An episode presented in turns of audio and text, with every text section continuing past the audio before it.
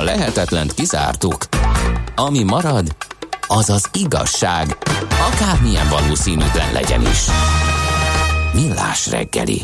Na, érdekes témával zöld finanszírozással, zöld pénzpiaci termékekkel megyünk tovább, és ebben segítségünkre lesz a KPMG menedzsere Vider Gergő, aki itt van velünk a vonalban. Szervusz, jó reggelt kívánunk! Szervusz, jó reggelt kívánok nektek és minden hallgatónak is. Na hát egyre nagyobb jelentőséget kapnak a beruházási, gazdasági kérdésekben a környezetvédelmi szempontok is, és ugye a fenntartató gazdasági növekedés megvalósítása lenne a cél. Sok mindent próbálnak például az Egyesült Nemzetek éghajlatváltozási keretegyezménye alapján is megcsinálni, legalábbis a zöld finanszírozás nemzetközi alapját ez a keretrendszer adja meg. Hol tartunk most, mit, mit látunk a világban és Magyarországon? Érdekes kérdés, hogy ez az egész zöld finanszírozás kérdés, azt szerintem elsőként érdemes azt is megfogni, hogy mi ez a zöld finanszírozás. Igen. Ugye ez alapvetően arról szól, hogy beépüljön a döntéshozatalba, az üzleti modellezésbe a környezetvédelmi szempontok is. De egyébként érdekes kitérni majd arra is, hogy ezek magába vonzák az üzleti fenntarthatóságot is, tehát ez egy pénzügyileg is motiváló tényező cégek számára. Az Európai Unió ebben egyébként globálisan ugye élen jár, ezt többször ugye erről olvasunk, hallunk.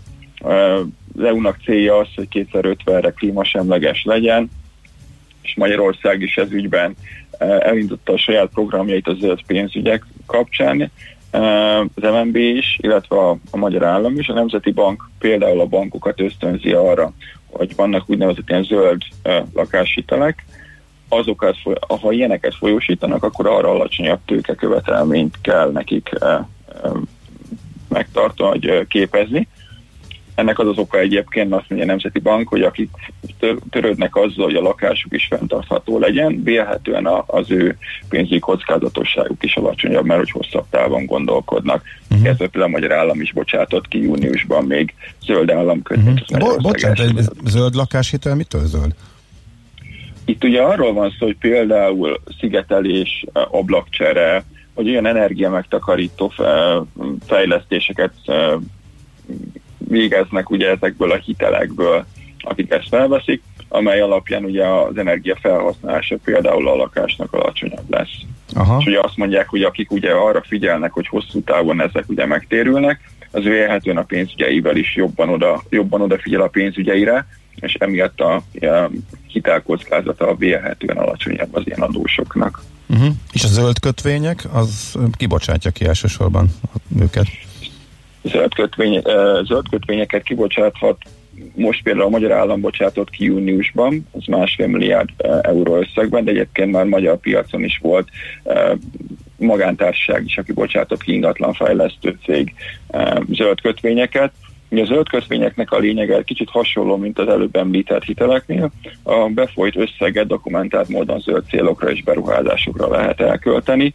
Tehát Magyarország is, amikor ezt kibocsátotta, az AKK-nak a kibocsátási tájékoztatójában leírták azt, hogy milyen programokra költik, például az elektromos autók támogatása, amit ugye olvashattunk, és nagyon népszerű eh, termék, hogy ezzel segítsék az elektromos autóknak a térnyelését például le arra költi a magyar állam az ebből befolyó összegeket. És itt a hozam ennek milyen? Tehát mondjuk a befektető azt mondja, hogy ezért uh, alacsonyabb hozammal is beérem, hogy ezzel is támogatom a, a földet, uh, vagy pedig uh, pont, hogy ennek magasabb, vagy csak magasabb hozam mellett uh, lehet eladni, és a kibocsátó támogatja ezzel a földet, Igen. illetve a saját céljait. Alacsonyabb jellemző ennek az átlagos hozama a zöld kötvényeknek, jelen pillanatban egyébként, mint a nem minősített kötvényeké. Ennek az oka kutatások szerint egyébként ugye az alacsonyabb kockázat lehet, hogy azt mondjuk, amit említettem, hogy a hosszú távú fenntarthatóság mellett jobban elkötelezett adósok bocsátanak ilyet ki, és emiatt az ő hitelkockázatuk az adott kötvény vonatkozásában a várakozásuk szerint alacsonyabb, ezért jelen pillanatban jellemzően alacsonyabb az átlagos hozam, mint egy nem zöld minősítésű kötvényé. Uh-huh. Egyébként a zöld, minős, a zöld kötvényeknek a, a térnyerés egész nagy, tehát most a Moody's-nak vannak rá adatai, egyébként egész friss adatok is, ez 19 végén 323 milliárd forintot tett ki 19-be az ISG kötvényeknek a, a nagyságrendje. Ez az ISG egyébként az a környezeti, társadalmi és irányítási tényezőket foglalja magába, és egyébként ennek a háromnegyede az a zöld kötvény volt. Uh-huh. Itt ez is lenne a cél, nem, hogy, hogy ebbe a keretrendszerbe szépen beágyazódjon mindenki, mind a három szempontból kap valami pontszámot, és akkor lesz egy ilyen összesített minősítése vagy pontszáma, ami alapján ugye az ESG kategóriába befér vagy nem fér be, és hogyha véletlenül nem fér be, akkor a, elvileg ugye a piac úgy bünteti, hogy nem vásárolnak be, belőle. Igen. Igen, alapvetően ugye ez a, a EU-nak is célja, hogy a zöld pénzügyek ilyen szempontból is hasznosak lehetnek, hogy próbálják ösztönözni a, a ugye befektetőket, illetve az ezeket kibocsátó cégeket, hogy minél inkább megfeleljenek e, ezeknek a kritériumoknak, hiszen akkor nagyobb kereslet lesz az ő pénzügyi termékeik iránt. Hm.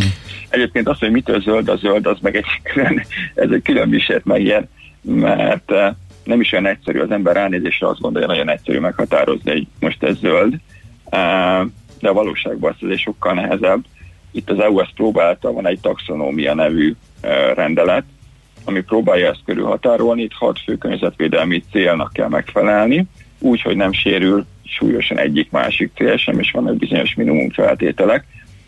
Itt érdemes például belegondolni abba, hogy van egy elektronikai cég, aki fejleszt mondjuk mobiltelefonokat, okostelefonokat, de jellemzően ő nem maga gyártja, nem ugye bérgyártásban távol-keleten elkészül ez a készülék. Uh-huh. Amikor ugye ezt a fejlesztő céget nézzük, akkor az ő kibocsátása hogy alacsony.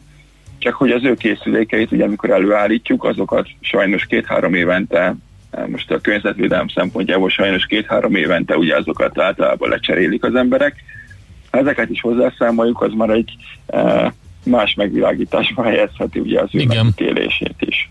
Igen, hát lényegben exportálja a kibocsátását a távolkeletre, és akkor itt nem is beszéltünk még arról, hogy, hogy a governance is benne van, meg a, meg, meg a többi a dolog ebben, tehát lényegében, hogy hogy mit gondol, a, hogy, hogy a munkavállalóit val hogy bánik többek között foglalkoztat-e például a távol-keleten gyermekmunkát és a többi?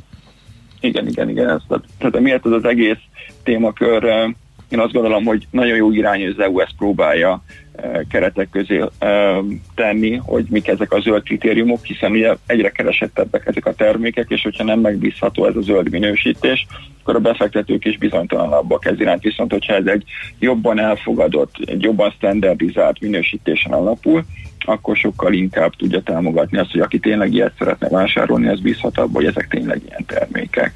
Befektetői oldalról érdekes még a zöld alapok, befektetési alapoknak a kérdése, hogyha én környezet tudatos befektetőként ilyet akarok venni, akkor ezek alapján, a minősítések alapján biztos lehetek abba, hogy a zöld alapok ö, azok csak ö, olyan dolgokba fektetik a pénzemet, illetve az ő általuk összegyűjtött pénzt, amik megfelelnek ezeknek az alapelveknek, illetve hogy ezeknek a piaca most hogy áll, mert kb. egy éve szerintem beszéltünk róla, akkor szép felfutásban voltak, most éppen hogy néz ki? Piacon egyébként egész, egész jó az ő helyzetük, tehát egyébként több kutatás is készült, amik elég frissek um, itt a, erről a piacról.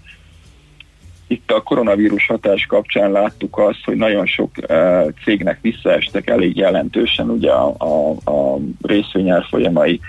Ugye ezek jellemzően ezek a befektetési lapok most még leginkább részvényekbe fektetnek, legalábbis ezek a legnépszerűbbek, a zöld cégekbe fektető részvényalapok ott a, a Fidelity-nek volt egy olyan kutatása, hogy az ESG minősí, a legjobb ESG minősítésű amerikai cégek részvényei, ezek 3,8%-kal jobban teljesítettek, mint a Standard Poor 500 Index, a legrosszabbak meg 7,4%-kal alulmúlták. Ezt itt a koronavírus időszakra nézték ezt a, ezt a hatást, tehát azt mondják, hogy egyes sok hatásokat jobban átvészelik ezek a cégek, hiszen itt ugye ez a mitől térülnek ők meg, attól, hogy én azt gondolom is, ami nagyon fontos, hogy ők hosszú távon, közép-hosszú távon gondolkodnak, mert ugye azok, akik gondolnak arra, hogy fenntartható az én működésem, az nem csak a zöld dolgokban lesz uh, fenntartható, hanem azt gondolja, hogy olyan termékeket állítok elő, ami hosszú távon is van rá kereslet. Ugye vannak iparágak, amit ugye tudjuk, hogy nem tudom, tehát most benzin vagy dízel nem tudom, hogy 50 év múlva ugye, hogy hogyan fog állni, de hogy olyan termékeink vannak, amik tudjuk, hogy stabilan fönnmaradnak, hogy az energia, vagy a kőolajtermelő cégek is egyre inkább elmennek olyan irányba, ők is a elektromos tankolás kutakon is ugye megjelenik, mennek olyan irányokba, amikkel ugye ezeket a ezeket a fenntarthatóságot tudják támogatni, mind környezeti, mind üzleti oldalról. Uh-huh. Oké, okay. Gergő, nagyon szépen köszönjük, tisztában látunk, és még fogunk ezzel a témával foglalkozni, mert izgalmas. Szép napot, jó Igen, neked ez, ez a téma nagyon sok olyan szelete van, ami, ami az ember, amikor belenéz, akkor látja, hogy tehát most ez a mitől zöld a zöld, amit kiemeltem, az is egy olyan téma, ami, ami nagyon érdekes, és befektető oldalról meg egyébként javaslom megnézegetni ezeket a termékeket, mert kutatásuk szerint az eredményei jelenleg jobbak, mint a, mint a mhm. nem minősített uh-huh. termékek. Igen, ez érdekes, vagy különösen érdekessé teheti, mondhatjuk így. Oké, okay, nagyon szép nap, nagyon köszönjük, szép napot, jó munkát neked is. Köszönöm, szép napot. Szia, szia. Vider Gergővel, a KPMG menedzserével beszéltünk zöld finanszírozásról, illetve a zöld piaci termékekről, a lakáshiteltől elkezdve akár az állam által kibocsátott kötvényekig, vagy azokon keresztül egészen a zöld befektetési alapokig. Ha a külső és a fellépés csal, akkor a benyomás semmit sem ér. Millás reggeli